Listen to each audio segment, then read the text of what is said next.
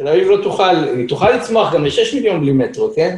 Mm-hmm. ברמה של ההזדמנויות, נגישות הזדמנויות, פריון כלכלי, איכות חיים, הפחתת זיהום אוויר, מתן מקום לתחבורה מקיימת וכל הסיסמאות האלה, יהיה פחות. זה, זה מה שזה אומר, לעבוד בלי מטרו.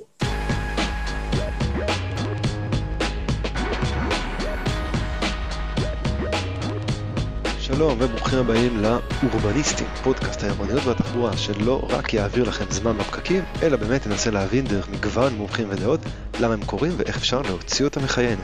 דוקטור יואב לרמן, חלק שני. בפרק הקודם דיברנו על הקורונה והשפעת העבודה מהבית לטווח הקצר וגם לטווח הארוך על הערים.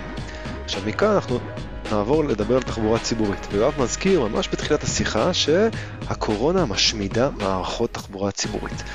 אבל אנחנו לא מפתחים את הנושא יותר מדי, אני והוא, אז אני בעצמי עכשיו אקדיש לנושא הזה ממש שתי דקות לפני השיחה. לפני שבוע, בסוף אוקטובר 2020, בוריס ג'ונסון, עד לפני ארבע שנים ראש עיריית לונדון, האשים את ראש העיר הנוכחי, סדיקן, שחברת התחבורה הציבורית העירונית, TFL, פשטה רגל בגללו, ועוד לפני משבר הקורונה. בתגובה כינה סדיק את ראש הממשלה שקרן. עכשיו ברור שיש כאן עניין של ימין ושמאל, קלאסי, אבל בכל זאת למה זה הגיע לטונים כאלה? כי TFL, אה, חברת התחבורה הציבורית, במצב קשה מאוד. מקרוב לכמעט אפס נוסעים באוטובוסים ורכבות שהיו בתקופת שיא הסגר הראשון, באפריל-מאי, שבה שמרו על כמעט כל הרכבות בהפעלה מלאה וכמעט ריקה. וכל זה רק עבור צוותים רפואיים ועובדים חיוניים אחרים. זה עלה לאט מאוד ל... 30% מהתפוסה הרגילה בספטמבר, לפני חודש, ואז נכנסה העיר לסגר שני. מספר הנוסעים שוב צנח לקרוב לאפס, ועדיין הרכבת התחתית וכל הרכבות והאוטובוסים המשיכו לעבוד באופן כמעט מלא בשני הסגרים. ועכשיו שוב יוצאים מסגר שני ומתכוננים לאולי עוד אחד בינואר, מה שאומר עוד מכה לתחבורה הציבורית. TFL מדווחת שהיא מפסידה מתחילת המגפה בערך כ-150 מיליון פאונד, שזה חצי מיליארד שקל, כל שבוע. עד עכשיו ל-TFL חסר לפחות 3 מיליארד פאונד, שזה 15 מיליארד שקל. לשם קנה מידה, לונדון הפסידה עד עכשיו, מתחילת המגיפה, את כמה שעלה לבנות בגוש דן את הקו האדום, 15 מיליארד שקל. והמגפה אפילו עדיין לא הסתיימה. אוקיי, עכשיו זה לונדון, מקום שבו יחסית התחבורה הציבורית מקבלת כבוד ותשומת לב ואנשים מבינים את החשיבות של להפעיל אותה תמיד. בואו נדבר על ארצות הברית. בארצות הברית, בתחילת המגיפה, בסוף חודש מרץ, טראמפ הפתיע ממש, כשהוא הודיע על 25 מיליארד דולר כספי סיוע לתחבורה הציבורית. הוא מהר מאוד חגג את זה בטוויטר, את כל הכספים, הוא נתן ציוץ 4 מיליארד דולר לניו יורק, מיליארד דולר לוושינגטון די.סי, חצי מיליארד לשיקגו. בסך הכל 25 מיליארד דולר וזה אפילו הגיע ליותר. עכשיו, כל זה הוא נתן לערים ולתחבורה ציבורית בכל ארצות הברית, וזה נתן להם את האפשרות להמשיך לפעול תוך כדי צבירת הפסד עצום. חלק מהתחבורה בארצות הברית כן צמצמה שירותי יוממים, זאת אומרת הרכבות הכי עמוסות, בדרך כלל הכי עמוסות, שמגיעות פעם נגיד 2-3 דקות, אז צמצמו אותם שיגיעו פעם ב-5, 6, 7 דקות. אבל לא מעבר, ובמיוחד במיוחד השאירו את האוטובוסים האלה שמגיעים פעם בשעה. מתוך הבנה שיש אנשים שדווקא באוטובוס הזה ממש ממש תלויים.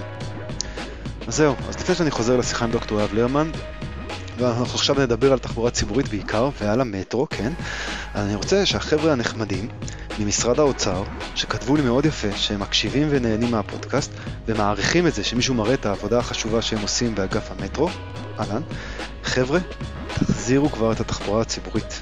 תחזירו בעיקר, בעיקר, את הרכבת בשישי ובמוצאי שבת. אנשים רבים מאוד, כאלה שרוצים לבקר משפחה, גם בקורונה, או כאלה שהם עובדים חיוניים, כמו המטפלים בבתי האבות שנוסעים בשישי ושבת לחופשה, תחזירו להם את הרכבת וספרו. תספרו כמה רכבת ישראל מפסידה, כמה אגד הפסיד ומפסיד. ותדאגו שהשירותים החיוניים האלה יקבלו סיוע. לא יכול להיות שאנשים עומדים ביום שישי בצהריים, מחכים לאוטובוס, גם לי זה יצא לפני כמה זמן, ואוטובוסים עוברים עמוסים, ואתה לא יכול לדעת מתי זה מגיע, ומבטלים לך אוטובוסים ולא מודיעים על זה. אנחנו מבינים שזה מצב חירום. תפעלו כמו במצב חירום.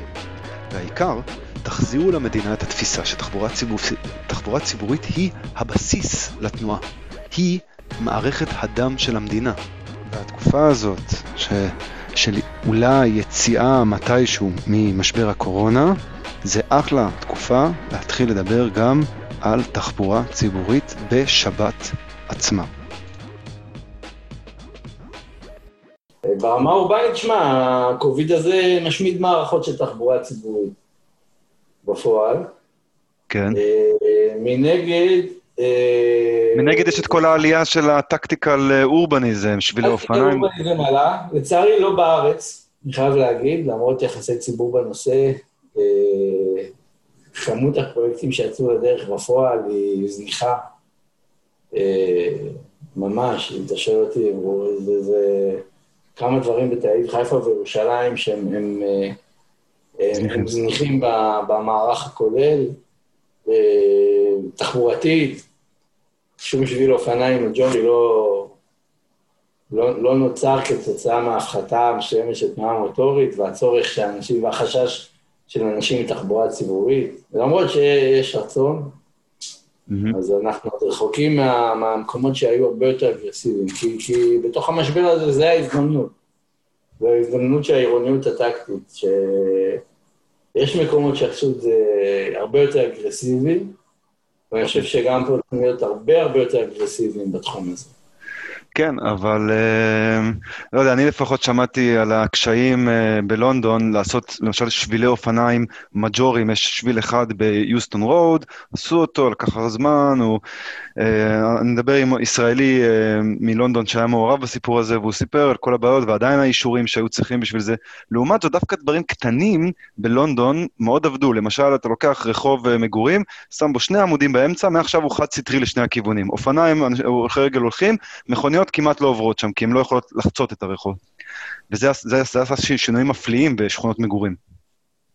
כן, אז זה אה, בקטנה נגיד ככה, שבדרום תל אביב, באזור פלורנטין, עשו כמה דברים כאלה, וזה נחמד, סימפטי, כן, יש בעיה שאין מסחר, אז קשה להגיד שזה עזר למסחר אם, אם לא נותנים לו להתקיים, אה, אבל אה, זה סימפטי, אבל זה לא איזה משהו מג'ורי לפי ההבנה שלי, ושוב, זה לא שטסתי בחודשים האחרונים לראות את הפרויקטים מקרוב, במטרופולין פריז, במיוחד מחוץ לפריז.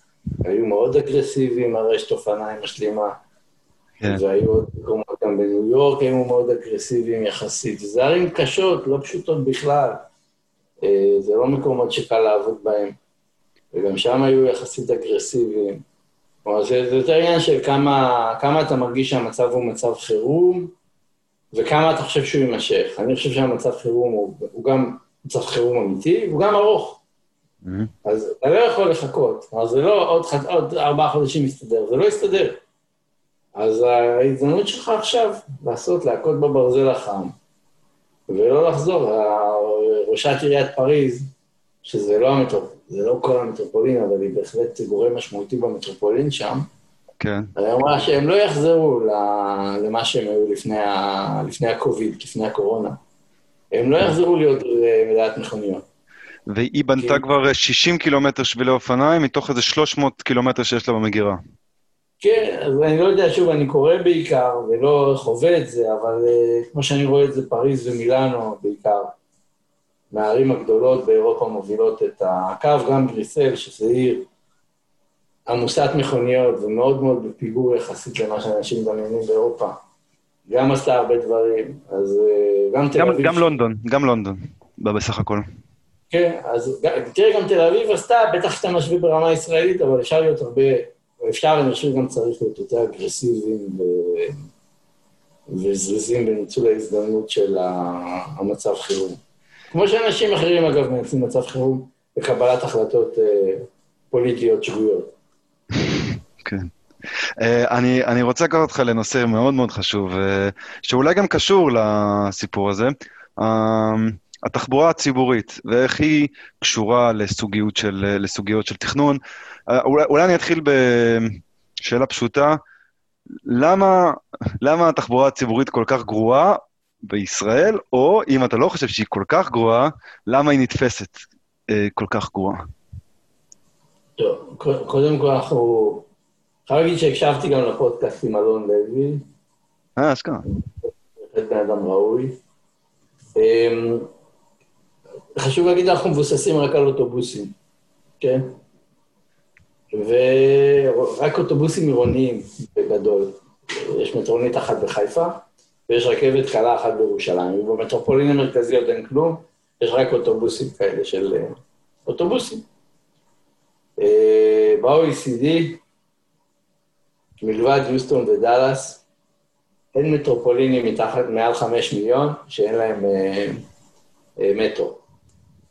כן, כלומר, תל אביב היא כרגע, היא אוטוטו חמש מיליון, אנחנו שלוש נקודה שמונה, ואנחנו נהיה חמש מיליון ב-2030, אם לא לפני. Mm-hmm. וזה המטרופולין היחידי במערב שהגיע, מלבד יוסטון ודאלאס, שאני חושב שוואלה, אפשר לקחת את הכיוון של יוסטון, 19 נתיבים לכל כיוון, זה עדיין לא פותר את הבעיה. אה, אבל בהנחה שאנחנו לא רוצים בהכרח להיות יוסטון, אז... אה, וגם להם יש רק"ל לפחות, כן, בדאלאס יש משהו. אז אה, אנחנו, בזה שלא, שלא נעשתה פה השקעה מסילתית בזמן, אנחנו מרגישים את זה. אני חייב להגיד שברמת תוכניות לפחות, יש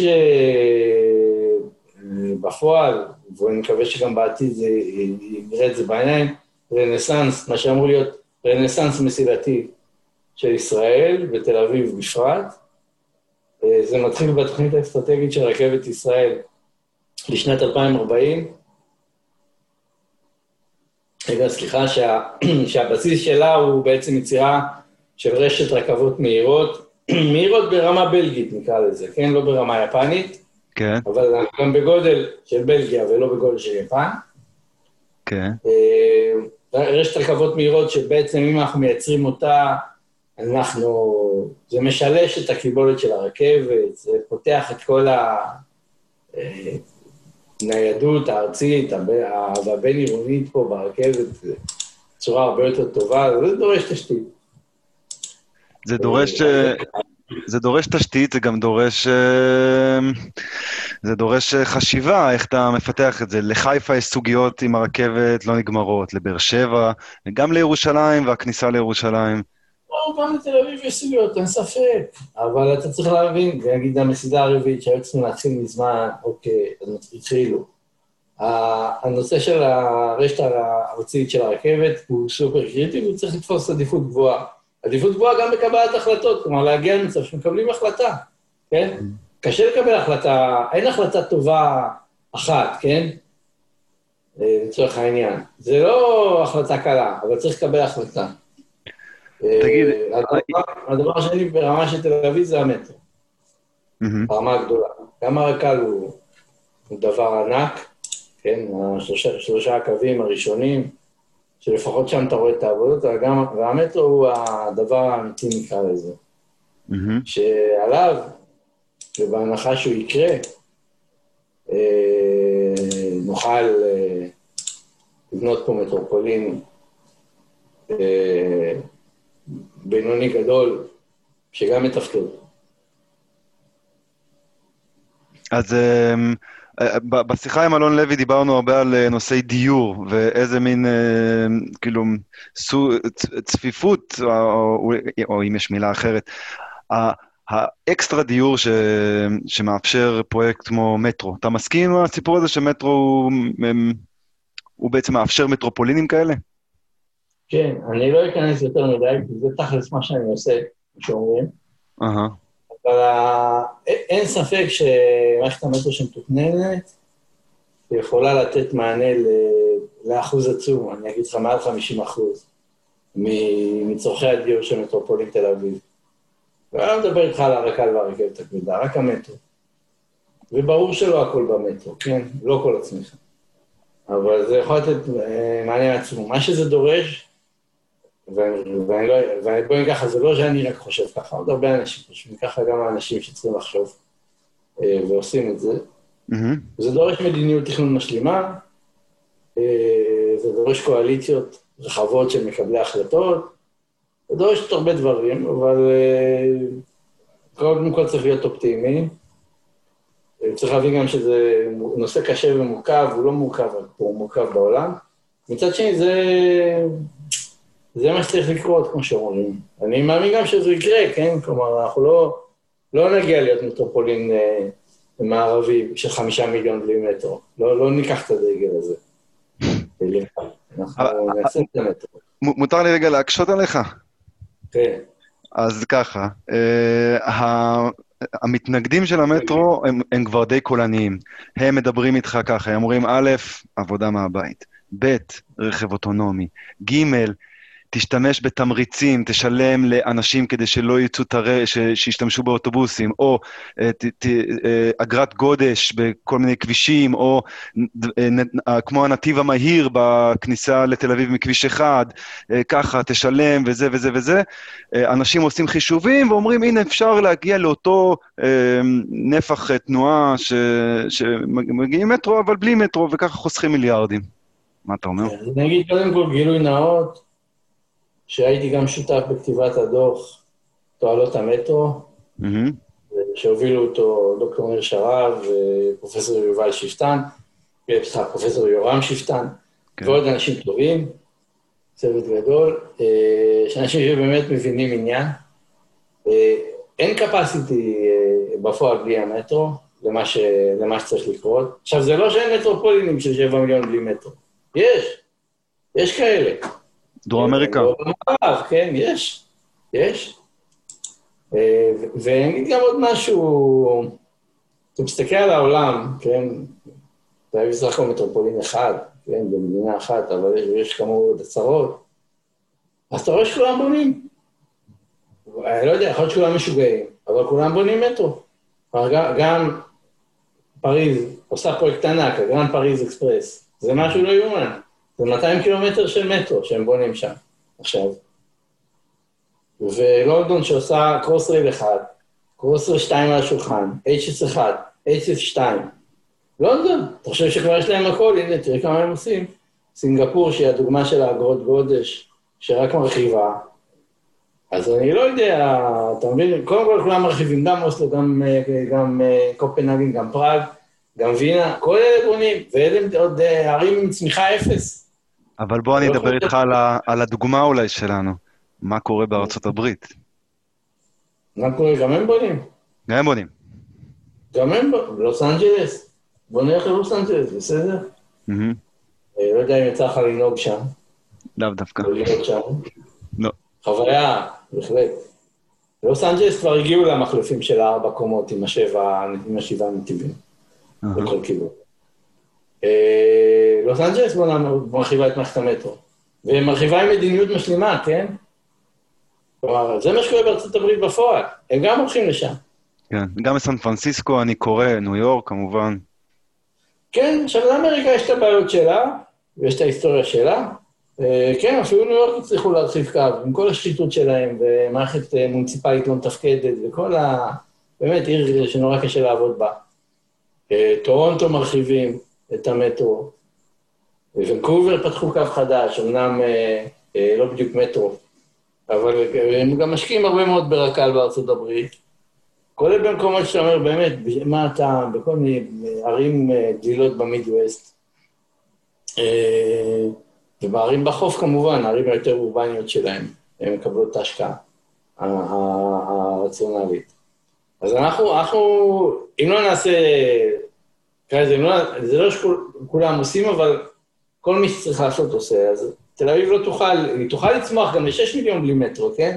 Mm-hmm. ברמה של ההזדמנויות, נגישות הזדמנויות, פריון כלכלי, איכות חיים, הפחתת זיהום אוויר, מתן מקום לתחבורה מפעמת וכל הסיסמאות האלה, יהיה פחות. זה, זה מה שזה אומר, לעבוד בלי מטרו. תגיד, אבל אמ, אה, אה, אני, אני לפחות זוכר את, בערך באותה תקופה של הבלוג שלך, את ניצן הורוביץ, מראה לנו את אה, ה-BRT בקוריטיבה. ואני חושב, ואני חושב שזו תפיסה שמאוד אה, אה, גדולה בארץ. אומרים, למה להתמקד במטרו ובכל מיני רעיונות פנטסטיים, במקום לקחת פח צבע ולצבוע נת"צים? נכון, ולעשות BRT גם, שהוא יותר זול, לפחות להקמה. נכון, נכון. ואני חייב להגיד שהרבה, גם אני חושב שביארטי הוא פתרון מעניין להרבה מקומות, ויש גם ממנו בארץ, ויעשו ממנו עוד. אני, מהיכרותי ה-BRT בחיפה, המטרונית, אני גם גרתי באזור תקופות כשלמדתי בטכניון, זה, זה פרויקט טוב, אני אוהב, אני אוהב את המטרונית. אני אגיד לך משהו שאני חושב על ה-BRT של חיפה, אכן מבחינה תחבורתית יש פרמטרים שהוא הצליח בהם בגדול. אה, הוא קם, קודם כל זו הצלחה, משתמשים בו, סבבה, פיתוח כלכלי אפס, הוא הביא אפס פיתוח כלכלי. שזה לב, לב העניין של פיתוח מערכות תחבורה. Mm-hmm. עכשיו, הוא, הוא הביא אפס פיתוח כלכלי מכל סיבות, גם יכול להיות סטגנציה מסוימת של המטרופולין, וגם אורבן דיזיין של BRT. הוא תופס המון קרקע, כמו שאומר אלון לוי. הוא כלי מאוד קשה, אורבנית. הוא כלי מאוד קשה. תשווה את רחוב העצמאות של חיפה לדרך יפו בירושלים. Mm-hmm. תשווה את מספר המנופים, את מספר היזמים. וירושלים זה עיר לא כלכלית. זה לא, אין לה כלום בירושלים, ממשל והיסטוריה. רחוב יפו אין, אין בו מכוניות, ובדרך העצמאות בחיפה יש. אבל בגלל הרק"ל אין בו, אגב, זו החלטה שבחלקו יש, חלקו אין, אבל יכלת גם, אבל דרך עצמות הרוחב שלה וה-BRT שמייצר בעצם קושי בחצייה, זה גם מה שה-BRT ממשיך לתוך הקריות, כן? אה, בהמשך, אז זה כלי מאוד קשה אורבנית. אני אגיד ככה, ואני לא אכנס פה לכל הפתרונות שצריך לעשות עם BRT, אני אומר לך, עבדתי בקריות, אז אני מכיר את הכלי טוב, mm-hmm. ויש לו המון יתרונות, וצריך לעשות ממנו עוד, אין ספק. הוא לא פותר את כל הבעיות. אני גם אגיד ספציפית על הדוגמה של קוביטיבה, שהיא מאוד מוכרת בארץ, אבל אף אחד מעולם לא היה בקוביטיבה, כי זה כל כך רחוק, וגם כשאתה נוסע לדרום אמריקה, אתה לא מגיע לשם. נכון. זה עיר של שלושה מיליון, יותר קטנה מתל אביב. ה-BRT שם, אין ספק שהוא הצלחה ביחד עם מדיניות שימושי קרקע משלימה, וגם הם נמצאים בקריסה של המערכת, והם עיר של שלושה מיליון. עכשיו, והם עניים, נגיד, נגיד בנוסף. אין ספק, במקום יותר עני, לפחות ברמה של למשוך אנשים תחבורה ציבורית יותר קל. אני לא חושב שזה כלי רלוונטי במרכז המטרופולין אה, הגדול, ואני חושב שגם בחיפה, קו M1 של המטרו הוא כבר בשל להחלפה לרק"ל, הקו הראשון של המטרו. אתה לא, של הקו הראשון של המטרוני, אה, כן. אחד המטרוני. הוא גם בשל מבחינת אה, לחץ. האמת, בתור... בתור חיפאי, רוצה שנייה לדבר על הסוגיה של הרכבת בחיפה, כי אני, אני מאוד מתעניין. אוקיי, אני חייב להגיד לך נושא שהשתדלתי לא לעסוק בו. אוקיי, אז אני, אני אגיד לך שמיולי יש, עשו איזושהי אה, ועדה בין-משרדית אה, עם כל מיני גורמים, תכנון, משרד האוצר, משרד התחבורה, לגבש סוף סוף, כי הרי מתלבטים על זה שנים, ועינת קליש רותם, ראשת העיר, היא בעצם עלתה ל, לראשת העיר דרך המאבק הזה סביב השיקוע, וזה שהרכבת אה, מפריעה לחיפה להתפתח. אה, ועכשיו, מה שהם החליטו, ובעצם כולם תומכים בזה חוץ ממשרד התחבורה, זה שמחוף הכרמל יכניסו את הרכבת למנהרה, במקביל למנהרות הכרמל, היא תצא בצד השני בצ'ק פוסט, ומשם uh, תמשיך צפונה, כשיהיה לה ענף uh, לכיוון הנמל ותחנת חיפה מרכז, והרכבת, המסילה בין חיפה מרכז לבין חוף הכרמל, מבוטלת סלש הופכת לרכבת קלה שזה בעצם הקו של, של הרגע דיברנו עליו, למי שלא מכיר את חיפה. אה, אז אה, טוב, אני, אני לא יודע, אני, בוא נגיד, אני לא יודע אם אני אכניס את זה לשיחה עם... עם, אה, אני חושב שאני החלטתי להתעלם גם מסיבות אמוציונליות וגם כי יש מספיק עבודה. אבל אני אגיד לך מה, קודם כל נשמע שהפרויקט שאתה מתאר נורא נורא מסובך. 13 מיליארד שקל. אה, דבר שני, זה אומר במידה מסוימת, אני לא יודע איפה הם שמים את התחנה של הרכבת המהירה, אבל נשמע שהם אה, לא שמים אותה בחיפה. לא, יהיה תחנה בחוף הכרמל. חוף כרמל זה לא חיפה. לא, וגם... לא כאילו, מחוף הכרמל הרכבת נכנסת למנהרה, ואז היא יוצאת, פונה שמאלה, ויש לה תחנה בחיפה מרכז. יש תחנה בחיפה מרכז. זה לא יהיה של הרכבת המהירה. זה הרכבת המהירה תמשיך לקריות. למרכזית המפרץ ומרכזית הקריות. כן, ואז עכו, נהריה. כן, אבל זה אומר שבמידה מסוימת מבטלים אחריך המרכז כתחנת רכבת אה, בתשתית הלאומית. זה מה שזה אומר. ברמת הפיתוח של חיפה, אני, אני חושב שיש לזה הרבה יתרונות, ויש לזה גם חסרונות, ואני אגב לא חושב, אני חושב שבהחלט המגע עם הים הוא לא טוב, אבל אני לא חושב שזה הבעיה נאמבר 1 של חיפה, יש לה עוד הרבה בעיות אה, קודמות, כל ההשקעה, חיפה זה עיר עם הכי הרבה תשתיות בארץ, אה, מנהרות הכרמל, וכל המחלפים שבנו סביבה, וכל הזמן שדרגו שם, ורכבלים, ומה שאתה לא רוצה. בוא נגיד לך, גם הטכניון יושב בחיפה, כן? אז זה מייצר את זה. אה, וזה עדיין אה, מטרופולין בסטגנציה, שרק מתרחק, כאילו, הולך אחורה ולא קדימה, אה, כן. בהרבה מובנים. אני חושב שהבעיה של משקולת התשתיות דילגו על העיר הזאת הרבה מאוד שנים, על המרכז, ובעצם השקעה על הרבה מטרופולינים, כן? וואטסאפ ערבוב, ביחד עם כל הקריסה של התעשיות הקלאסיות, שקרה גם במקומות כמו ליברפול, דטרויט, כן? כן. אה, ליון, לא חסר ערים כאלה בעולם. אה, צריך להיות אופטימיים גם שם, מפרץ החדשנות. כן, אז אה, מפרץ החדשנות זה בעצם הרכבת שאנחנו מדברים עליה, תגיע לשם, הרי מדובר כאן בחיפה 2, זה בערך בגודל של חיפה, מה שמתכננים שם. כן, זה משהו ענק. אין לזה בגודל חיפה, אבל זה, זה כמו שתי קריות בערך. כן. מה, מה שיבנו שם, זה כמובן תהליך של הרבה שנים, השאיפה היא שזה לא יהרוס את מה שמסביבו גם. אז צריך להיות אופטימי. גם את החיסרון של חיפה קיבלו בסוף BRT, שזה כלי שמאוד מאוד קשה ליצור איתו פיתוח אורבני וכלכלי. או, או לפחות זה כלי שמאוד מאתגר ביחס לרק"ל, נגיד. אה, אז אני חושב שזה אחת הבעיות. אה, לחיפה בהחלט יש יותר בעיות, אביב יש הרבה יותר בעיות, אבל לחיפה הבעיות הן קשות יותר, במידה מסוימת. כן. ולמרות זאת, אה, אני חושב שחיפאים אוהבים את חיפה, לא? אני לא יודע אם אתה שותף. מי שנשאר, אין ספק. לא, אף אחד לא, לא נשאר. מה, יש לה גם הרבה יתרונות, המזגר בתל אביב יותר גבוה. כן. הנוף האורבני ברובו יותר גרוע. יש בעיה של אה, חוסר אקשן. חוסר דינמיות אה, אורבנית. כן, זה מה שאתה מתרגם לזה, שחיפה מנומנמת וזה, זה לא סתם. זו עיר מפוזרת, והיא לא מצאה, אין לה, אין לה משקל, היא לא, אין לה אנרגיה פנימית אה, גבוהה, כי כל המקומות הפנימיים נהרסו. הדר, ו... זה לוקח הרבה שנים לחזור, גם אם האנשים רוצים לחזור.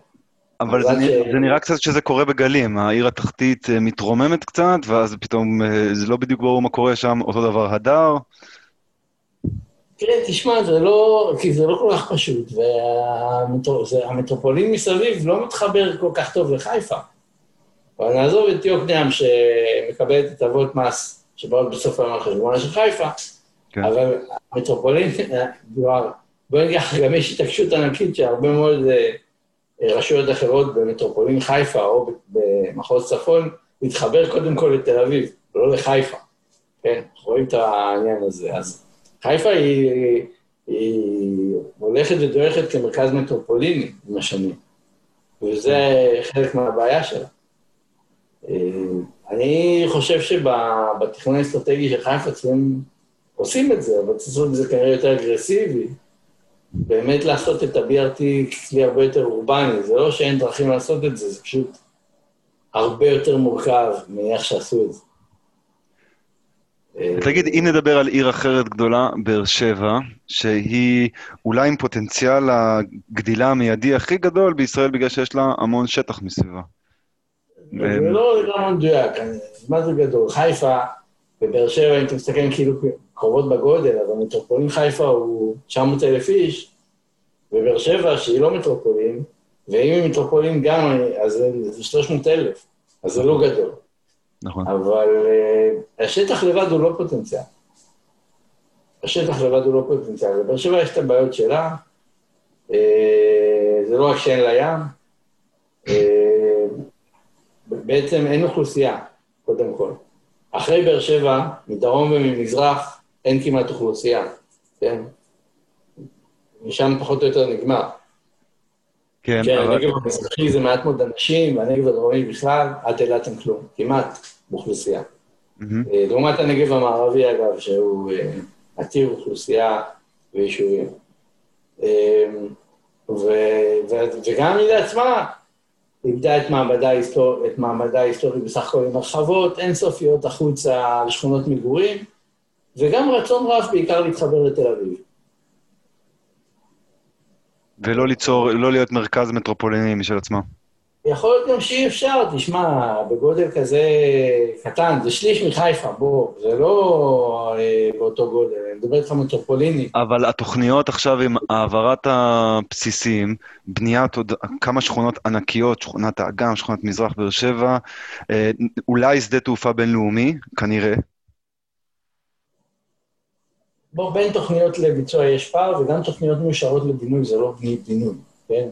כלומר, ברמת מדינת ישראל לצורך העניין, וגם בגלל מדיניות היסטורית שבחלקה הייתה שגויה, שגויה מאוד, אה, עודף התכנון הוא, הוא בפריפריה, כן?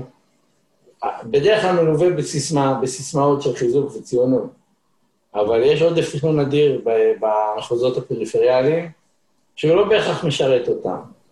אבל אם אתה מדבר איתי על באר שבע, אני יכול לדבר איתך גם על קריית גת. לקריית גת יש תוכניות לפי חמש מהאנשים ממה שיש בה היום, כן? מ-50 אלף לרבע מיליון. יש את התוכניות. מה יצא בפועל? לא ברור. זה אומר שהם יקרו, זה אומר שהם יקרו כמו שתכננו, אולי יצאו חמש תוכניות שכל אחת תמומש קצת, כי, כי לא צריך את הנפח הזה, ולא בהכרח זה מחזק את מרכז העיר כמובן, או את מה שקיים, או את השכונות הוותיקות, או את ההתחדשות שרוצים לעשות, וכן הלאה וכן הלאה. אה, עכשיו, צריך להבין גם שיש מבנה גיאוגרפי מסוים של המדינה עם מרכז ופחות מרכז, וגם פעילות כלכלית שמתקיימת במקומות כאלה ואחרים, פעילות כלכלית פרטית, לא רק ציבורית. היא לא יכולה לזוז בכזאת קלות. הדברים לא זזים בכזאת קלות. וגם אם אתה מזיז בסיסי צבא, לא ברור לי התרומה הכלכלית שלהם. כלומר, למה... למה בסיס צבאי מייצר תרומה כלכלית, אני לא מבין. כי הוא כאילו מקום עבודה. אוקיי, אז אתה שם מקום עבודה איפשהו, שנוסעים אליו ברכבת וחוזרים בערב לתל אביב, לצורך העניין, אבל מה... איך זה מייצר חיזוק אזורי, אני לא מבין. באמת שאני לא מבין איך בערך בסיס צבאי מייצר. המחקרים גם מראים שזה לא ייצר עד היום, מה שניסו. זה לא בהכרח ייצר חיזוק.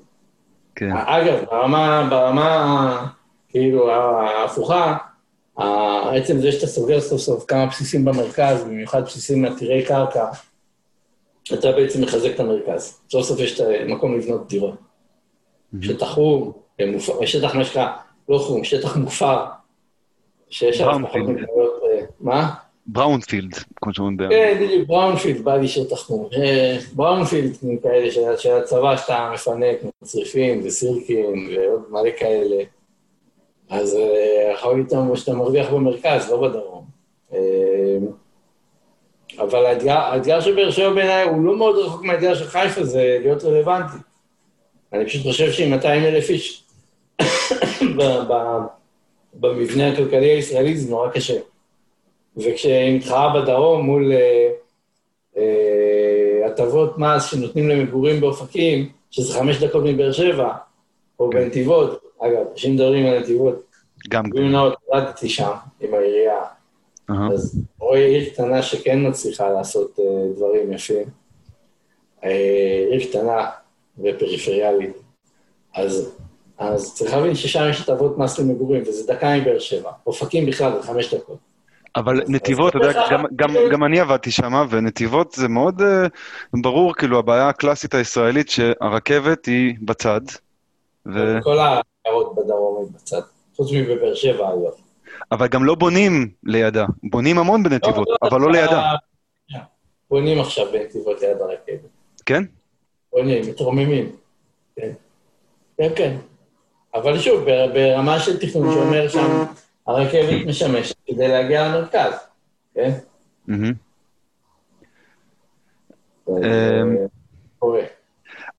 אני, ראיתי שגם קראתי עבודות של, של פלנט, וראיתי שאתה אה, הרבה פעמים מדבר על אה, צמיחה מושכלת של, של מקומות שהם לא במרכז המטרופולין.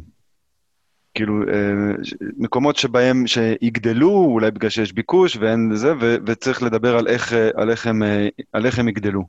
ובהקשר הזה, אני רציתי לשאול אותך שאלה, שהרבה אנשים, כאילו, האורבניסטים, הם אומרים לך, לך תגור בעיר, בעיר הכי טוב, יש לך שימושי קרקע מעורבים, ואתה יכול ללכת לבית מרקחת פה ולפגוש חברים במקרה פה וכולי וכולי, אבל האמת היא שהרבה אנשים, במיוחד כשיש להם משפחה, הם רוצים לגור בבית יחסית גדול, אולי יותר גדול ממה שרוב הערים מציעות להם, הם רוצים גינה, אה, אפילו בישראל, והאם אנחנו, האם האורבניסטים אנחנו יכולים לתקשר עם הרצונות האלה?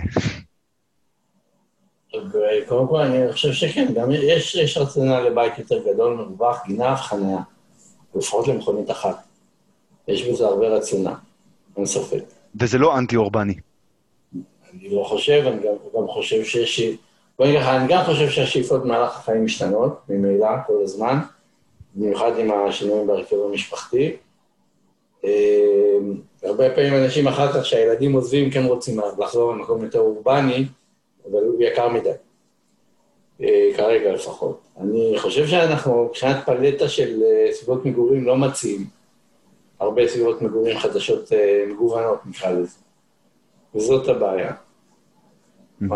זה לא שמדינת ישראל לא מציעה, נקרא לזה, דירות פרבריות. מציעים. חלקם גם, אני חושב שהם בסדר. אתה יכול לתת דוגמה לאיזה מקום שהוא מבחינתך כזה בסדר? אני אגיד כל ההתחדשות של כפר סבא, לצורך העניין. בכפר סבא הוותיקה, נראה לי סבבה. כאילו, לא... אתה יודע, זה לא מרכז המטרופולין. אין שום סיבה אבל שזה לא יהיה מגורים אורבניים במידה מסוימת. כפר סבא היא באמת דוגמה טובה. מקום לא מרכזי, עם אה, רשת רחובות טובה, התחדשות טובה. אה, ואם אני מסתכל, אני אומר, האינבנטר של הפרויקטים שיש בהם דירות אורבניות הוא נמוך מאוד. בעצם זה רק בהתחדשויות, זה לא ב... אנחנו לא מייצרים תשתית לצמיחה אורבנית אה, אה, ברוב הפרויקטים החדשים, וזאת הבעיה. אני לא חושב שהבעיה היא הצרכים של האנשים. אגב, אני, גם חושב שעם הביצוע של התשתיות המסלטיות, נקרא לזה, גם של הרק"ל ואחרי זה של המטרו, אז הדברים האלה יקבלו שינוי, וברמה של אה, מה אנשים חושבים שהם צריכים ומה הם עושים בפועל מבחינת רכישת נדל"ן, אז לפחות מחירי הנדל"ן במידה מסוימת מבטאים את הרצון של אנשים לחיות בסביבה אורבנית משוקמת. איפה שיש סביבות אורבניות אה, בינוניות, אני לא חושב שיש בארץ סביבות אורבניות מאוד איכותיות, כן? אבל בינוניות באיכותן, אז המחירים מאוד גבוהים בישראל. ובמקומות שהם... אה, ואגב, זה המקומות היחידים שהצליחו להתחדש, ואלה שהתחדשו. זה מקומות עם סביבות אורבניות. אה, מקומות פרבריים לא הצליחו להתחדש בארץ. זה, זה ערימות של שיכונים שאף אחד לא יודע איך להרוס, ונורא קשה אה, לשקם, לשקם את הסביבה האורבנית במקומות האלה. אז אה, עכשיו, בעיניי הפרויקטים החדשים, השאלה היא לא עד כמה היזם ימכור את הדירות האלה, הוא ימכור, בטח במטרופולין תל אביב. השאלה היא מה, מה עושים במקומות האלה אחרי 40 שנה. נכון שזו לא שאלה שאנחנו נצטרך לענות עליה, כנראה, אבל זו השאלה שצריך לשאול כשהתוכנית יוצאת לפועל. אתה אומר, כשמתכננים כבר צריכים לחשוב על ההתחדשות העירונית שיעשו לתכנון. אתה מתכנן, שוב אני אומר לך, הרשת רחובות היא לא לשנתיים, היא ל-200 שנה, אלף שנה. אז uh, תחשוב על זה. המקומות שאתה חי בהם, אני לא יודע איפה אתה גר בלונדון, אבל זה לא תוכנן עכשיו. וגם אני לא גר במקום שהמתכננים שלו עדיין בחיים. אה, וזו השאלה, היכולת להתחדש. איזה יכולת להתחדש ולשרוד אתה משאיר במקומות? מקומות עם רשת רחובות דלילה, שלא יכולים לגלות גמישות בעתיד, לא ישרדו. הם לא, הם לא יהיו עמידים לצרכים, הם יעבדו לדור אחד, והלאה הם לא יעבדו.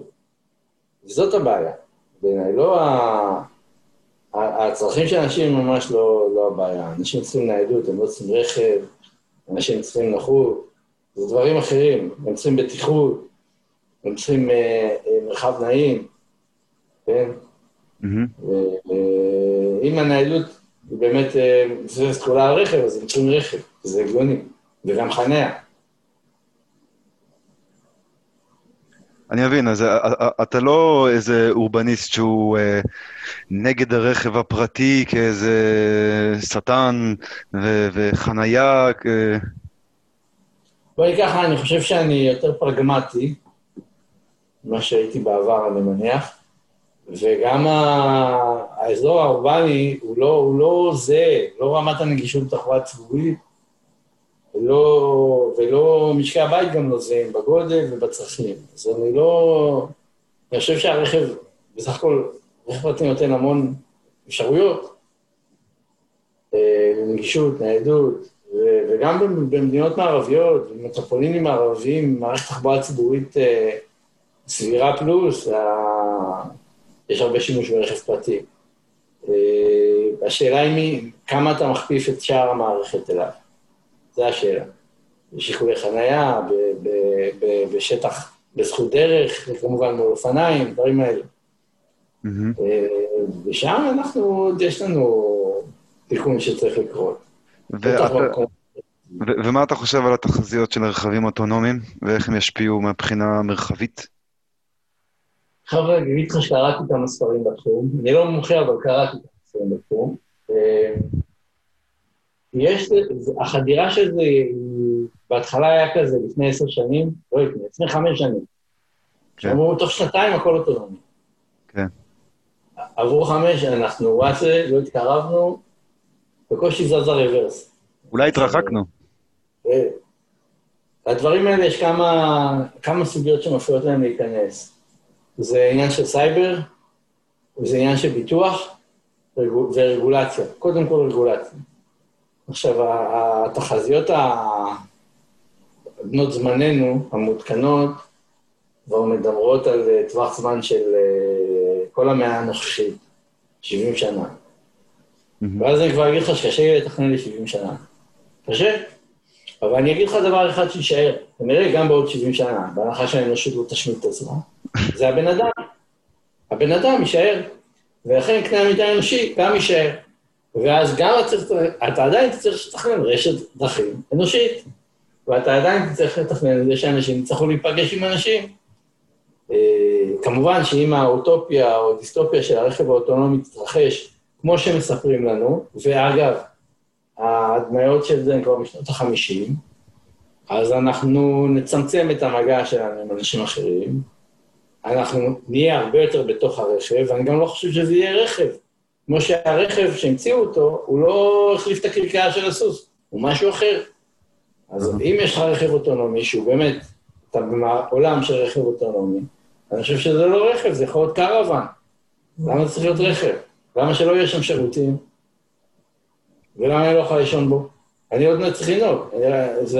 יש איזה אלמנט שנוהג, וזה הבית שלי. זה דעתי הרבה יותר רציונלי. וואלה, אה, אני, אני, אני בא לתת איזה תגובה, אני אפילו לא יודע איך להגיב לזה. אני חושב שעוד, הנושא של רכבים אוטונומיים, ההשפעה שלו הרבה יותר רחבה ממה שאנשים חושבים מצד אחד, מצד שני הוא הרבה יותר איטי אה, בזמן, ואם לשפוט היסטורית, אז כל פעם שהוזילו את עלויות התחבורה לצורך העניין, אז ההשפעה האנושית התרחבה. אז אה, אם זה באמת יוזיל, אז אנחנו נתפרבר הרבה יותר. נוכל להתפרבר הרבה יותר. אה, זה, זה, זה בטוח שלילי, אין כאן, אין כאן משהו לא שלילי בזה. כן, אם אתה חושב שהגדלה של צריכת אנרגיה ופליטות פחמן זה שלילי, אז כנראה שכן. כן, וגם גם, גם אם אתה מדבר על כל היתרונות של מרחב אורבני, כל מה שדיברנו עליו, אפשרויות, מפגשים, כל אלה, זה לא קורה. לצמצם את זה, זה יכול בהחלט להאיץ את התהליך של הפרבור עוד יותר ממה שהוא היום. אבל אז יש לך תחזיות טובות. יש לך תחזיות טובות שזה יוריד ביקוש לחנייה? אולי זה יעלה ביקוש לחנייה, או שהם פשוט יסתובבו ריקים ברחוב כל המכוניות. אה, לא בהכרח יוריד, זה תלוי מאוד ברגולציה. נגיד ככה, אה, ברגולציה הולנדית או פינית זה יכול להוריד ביקוש. ברגולציה אמריקאית, אז במקום ארבע מכוניות למשפחה, יהיו שש מכוניות למשפחה. זה לא, זה תלוי מה, זה תלוי באמת ברגולציה שתהיה. וחשוב להבין שזה משחק של רגולציה יותר מאשר כל דבר אחר, הדברים האלה. כן. אמ, יכול להיות שאם אה, המגמה של אה, להגביל את הרכב הפרטי ולא להתייחס אליו כמלך המרחב הציבורי, אלא שאפשר אה, כאילו לשים שביל אופניים והכול בסדר ולהוריד נתיב, יכול להיות שבשלב הזה אם נכנסות, הרבה אנשים מדברים על האבולוציה של הרכבים האוטונומיים, כאילו איך זה נכנס לאט-לאט, קשה לדמיין את זה. אז יכול להיות שזה, אפשר, אפשר לדמיין את זה תוך, תוך תהליך של הגבלת הרכב הפרטי. תשמע, זה, זה, הסוגיה של הלוואות לא היא הרבה יותר קשה ממה שחשבו בעבר. אה, יש אה, לפחות מהאנשים בתחום, ואני לא, שוב, אני לא מתעסק עם התחום הזה, אני לא מומחה ללידר ולא לרכבים האלה רואים ומתקשרים אחד עם שני, אבל לפחות אה, מה שנראה שאחת הבעיות הקשות זה ההתנהגות האורבנית של הרכבים האלה והיכולת שלהם לתקשר עם הולכי רגל. ורוכבי אופניים, ולא סתם היו כמה תאונות. כן. הדבר השני הוא רמת סיכון שהמערכת הפוליטית והציבורית נותנת להם. כלומר, אנחנו מקבלים את זה שרכב יכול אה, להרוג בן אדם, הולך רגל, אנחנו מקבלים את זה. אבל אם רכב אוטונומי הולך רגל, אנחנו לא מוכנים לזה. כן. הקבילות הציבורית שזה לא, לא שם.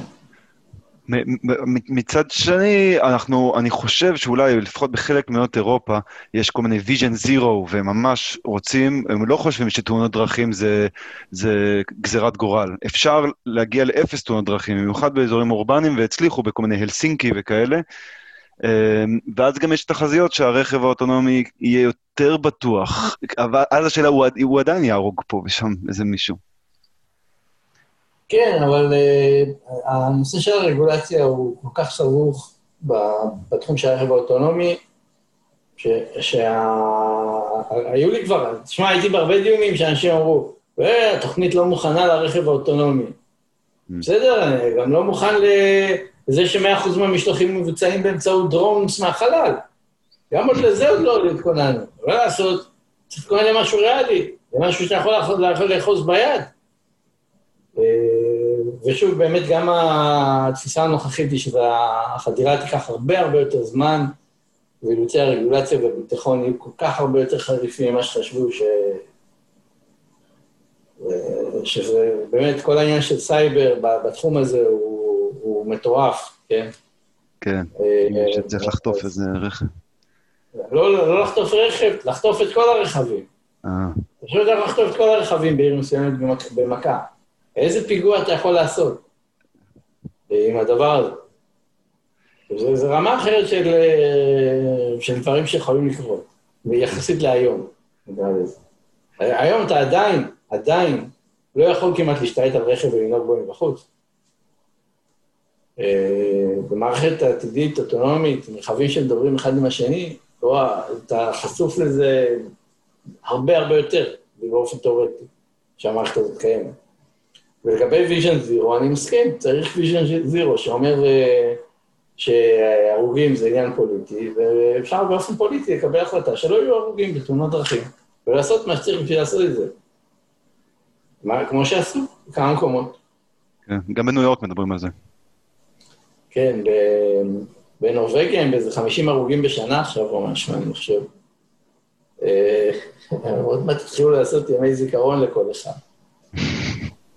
זה כבר באמת, זה כבר משהו לא טבעי, שבן אדם נהרג בתאונת דרכים נהיה.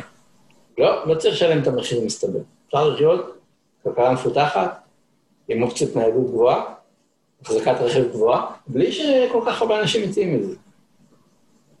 נכון. אמ, כן, האמת שאולי גם זה עוד איזשהו אפקט של הקורונה. אנחנו מגלים שמאחורי סטטיסטיקות של מתים, פתאום אתה מתחיל לקלוט מה זה 350 בערך, קצת יותר, זה הנפטרים מתאונות דרכים בישראל, 4,000 זה בערך הנפטרים בשנה מזיהום אוויר. הנה, עכשיו יש לנו את הקורונה, מכניסה אותנו לפרופורציות, עם עכשיו כבר 3,000, אני חושב. בכל מקרה... עד שזה ישודר זה יהיה בטח 4,000. כן. אה, יש לי שאלה אחרונה, אפשר שאלה אחרונה? כן, כן. אז ככה, שאלה אחרונה. אה, אז אנחנו בנקודת זמן מאוד מעניינת, אני חושב שתסכים, עם משבר הקורונה הזאת, משבר פוליטי חבל על הזמן. ואנחנו מסתכלים לעתיד, והרבה אנשים, אני חושב, מסתכלים על העתיד, אה, על ישראל של 2040, 2050. אני, אני זוכר שבבלוג אתה... אה, הרבית לכתוב בנושא.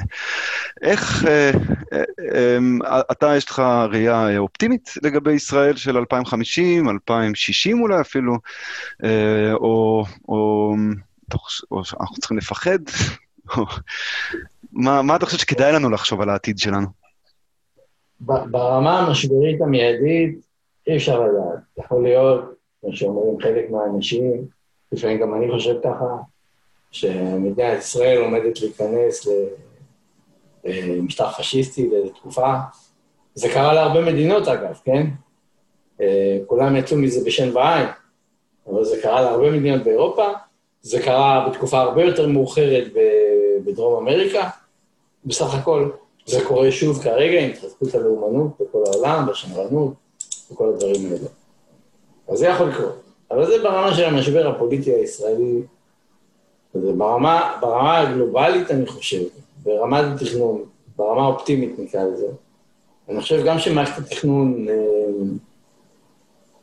יש התפתחות, יש מספיק סביבה אורבנית ישראלית בנויה היום כדי לראות שהיא לא כזאת, אה, רובה לא סבבה, נגיד ככה בעדינות, רוב הסביבה האורבנית בישראל היא לא סבבה, והרבה יותר גרוע שרוב החלקים אה, מתקשים להתחדש, וכל הזמן מצטרפות עוד שכונות שצריכות להתחדש ואין להן סיכוי. זה כל הזמן קורה, קורה בגלל שהבינוי לא, לא לקח את זה בחשבון התכנון, אף אחד לא חשב על זה, ואין שם את היכולת להתחדש. אז, אז קודם כל ברמה המיידית, אני חושב שאנחנו עוד נמשיך לבנות הרבה שכונות שבמקרה הטוב ישרדו בסדר, ובמקרה הפחות טוב באמת לא, לא יודע איך לחדש אותן. בעתיד, לא, לא חושב שיהיו לנו את המשאבים. אה, וברמה הפרקטית אני כן חושב שיש לנו הזדמנות. בגלל הצמיחה האורבנית אה, והרנסאנס המסילתי, בהנחה שהכל קורה, אנחנו נגיע למקום הרבה יותר טוב. כלומר, יש, יש עתיד אה, טוב, שבו גם עשינו שבילי אופניים, והתרבות רכיבה היא כזאת שקורקינטים לא דורסים ילדים קטנים במדרכות, יש מקום להגיע לשם, בהחלט. אני חושב שלשם צריך לכוון. אה, במעשים, כן, לא רק בדיבורים. ויש אה, הרבה אנשים שעובדים על זה, בכיוון הנכון. אה, של הדברים, גם כשבית המשפט העליון פוסק שאופניים חשמליות זה לא כלי מנועי, עדיין יש אנשים שפועלים בכיוון הנכון. ויש לנו הזדמנות, בגלל הצמיחה, בפירוש בגלל הצמיחה הדמוגרפית, יש לישראל הזדמנות. יש לה עוד אתגרים שלא קשורים לתכנון. אה, זה ברמה הגלובלית, אה, אני חושב שגם יש המון מה לעשות. כלומר, אה, מעבר למדינות ה-OECD יש המון עבודה שצריכה לקרות דרך הבנקים לפיתוח בעיקר, בנושאים של תשתיות ואיכות חיים. ואני חושב שהדברים, אה, בואי נגיד ככה, גם במדינות שהן מתחת לישראל בדירוג, הרבה מאוד אנשים רוצים לחיות כמו מדינה מתוקנת, כמו באירופה לצורך העניין. אה, אז בהקשר הזה של מה שאנשים רוצים לעצמם, אני אופטימי. אה, מה היו המבנים הפוליטיים... שיאפשרו את זה, זה סיפור. כן, תשמע, הקורונה משקשקת קצת את המדינות. והממשלות. וזה... והיא לא באה לבד, כי העלייה בלאומ... בלאומיות, נגיד אפילו עלייה בלאומנות, היא... זה משהו שקרה עוד קודם. כן. אז זה, זה טריגר חזק לעוד דברים. אמ, אבל אני, אני אופטימי ש, שאנחנו כן אה, נצא ברוב, ברוב המקומות למקום יותר טוב. זהו, עד כאן האורבניסטים להפעם. בפרקים הבאים אני עובר בצורה די חדה לנושא חשוב, תחבורת אופניים בעיר. חבר'ה ממשרד האוצר, אני מקווה שתישארו, זה מאוד חשוב גם לכם. אני אדבר עם אנשים מאוד מעניינים, למשל ליאור שטיינברג הוא מתכנן עירוני המתמחה בתכנון עיר ידידותית לאופניים, במדינה שכנראה הכי מובילה בזה, הולנד. הוא מדבר איתי ממשרדי החברה שלו, Humankind, ברוטרדם. אחריו תהיה גלי פרוין מתל אביב ורפאל, מתכנן התחבורה מלונדון. בינתיים, תודה רבה ליואב לרמן על שיחה כיפית, תודה לאיתמר קליגר, כרגיל, על ה beat, תודה לאונגה המלך, The Haifa London Connection, על העיצוב החדש. עד כאן האורבניסטים להפעם, סעו לשלום וזהירות מהמרווח.